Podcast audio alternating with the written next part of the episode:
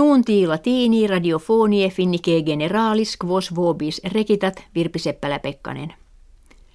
Jacques Verges qui pessimos quoque criminosos pro tribunali defendebat ideoque advocatus diaboli appellabatur Parisiis duode nona ginta annos natus cardioplegia diem supremum obit.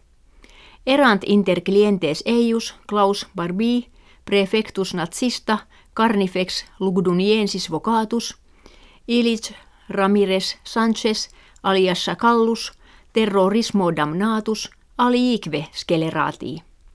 Postquam Americani Irakviam occupaverunt verges dixit se etiam Saddamum Hussein pro tribunali defendere paratum esse. In periodico Germanico der Spiegel interroganti responderat se etiam Adolfum Hitler apud judices defensurum fuisse. Naatus erat in Thailandia studuit Parisiis ubi jurista factus est. Ex investigatione quam administratio atletica sinarum nuper faciendam curavit, tertius quisque ex sinensibus superpondium habet. Cum homines rure in urbes migrantes ex paupertate in meliores vitae conditiones surgunt, sequitur ut melius vescantur, plus tabaco et alkoholo utantur, atque minus corpus exergeant. Ratione vitae ita mutata pingvescunt et facilius incidunt in morbos cardiovasculares et pulmonales cancrum diabeten. Apud sinenses jam octoginta centesime mortium in mutatis vivendi conditionibus originem habere estimantur, sed etiam inquinatio aeris, qua male laborant periculum morborum pulmonalium et cardiovascularium apud eos auget. Investigatores americani affirmant se novum genus mammiferi reperisse, quod in silvis montanis equatorie et columbie vivat.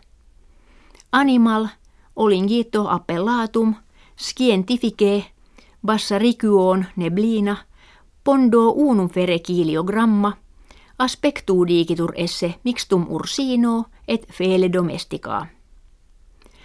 Vescitur in primis fructibus sed etiam insectis. Locomo vetur nocte et magna arte ex arbore in arborem saltat. Investigatio interrogatoria kve ad trecenta quadraginta milia hominum spectabat responsa inopinata investigatoribus portavit.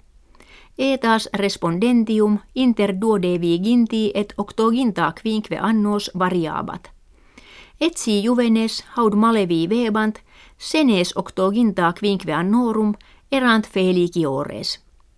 Sensus felicitatis post duodevi ginti etatis annos usque ad mediam etatem deminuebat.